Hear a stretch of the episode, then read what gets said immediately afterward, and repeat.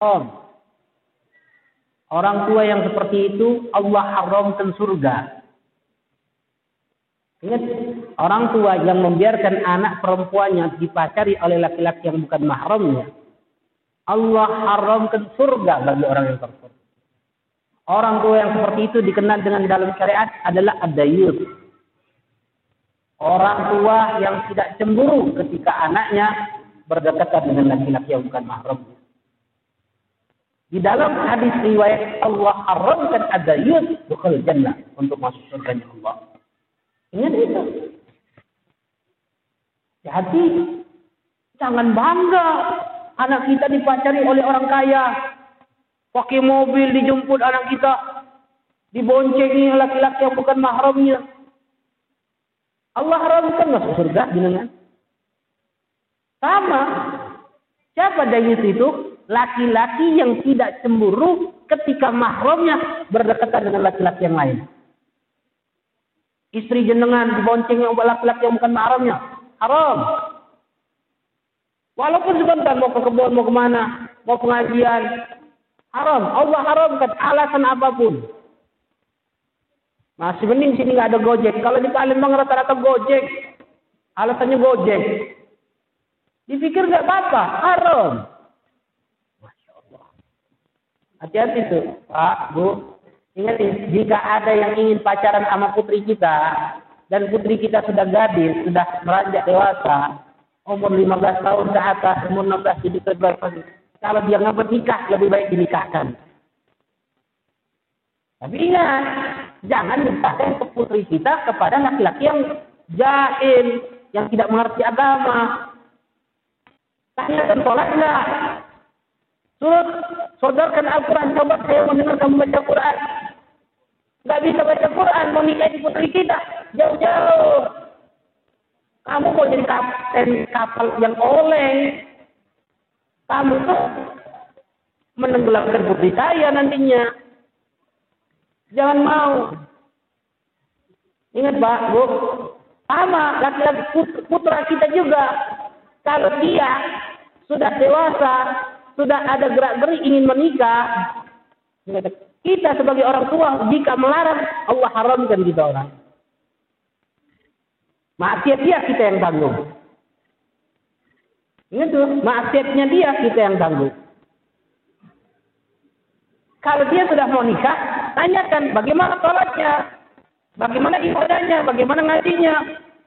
Ini sholat enggak, ngaji enggak bisa, mau nikahi putri orang lain. Kamu gila. Kamu itu akan jadi kapten.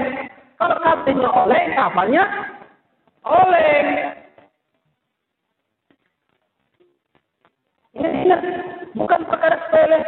Wah, Habib ini keras. Habib ini enggak, Allah enggak keras. Habib menyampaikan apa yang hak itu hak. Itu saja.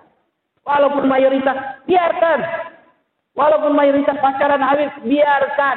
Jangan sampai kita termasuk yang mayoritas yang masuk menuju nerakanya Allah.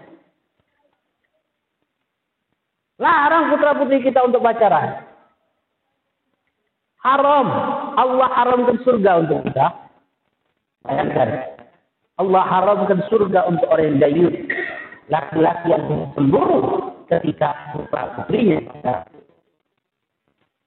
Masya Allah. Ngeri. Iya, belum mati jenengan. Nanti kalau sudah mati seorang baru paham bagaimana kedudukan orang yang dayus. Minal kabair dari dosa besar. Bukan dosa sepele. Ingat tuh, jangan pacaran. Kalau mau nikah, silakan. Habib kan pacaran itu biar lebih saling mengenal. Bohong. Siapa yang pernah pacaran, Pak, sebelum nikah? Hah? Pernah nggak pacaran yang belum nikah? Ayo, kalau pacaran menemui pacarnya, motor jelek dicuci. Badan bau, oh semprot. Yang perempuan juga disemprot, minyak wangi. Kalau ngomong sama pacar diatur ngomongannya. Ayo yang pacaran pernah pacaran, pernah nggak saling kentut? Pernah nggak, Bu? Tuh, ibu-ibu ketawa. Nggak pernah kita nggak mungkin pacaran seperti mungkin. Coba kalau sudah nikah, Pak, sering ketemu enggak? Jangan kalau mau tidur, mau kentut apa di lari itu? Enggak, kentut di situ. Istrinya kentut itu. Mana-mana enggak? Enggak. Oh ibu-ibunya enggak pakai minyak wangi lagi jamu. Hah? Enggak ada kali dengan. Apa malu? Enggak, enggak malu. Rambut kerimu. Saya gantung minyak wangi ke bawah najis isparnya.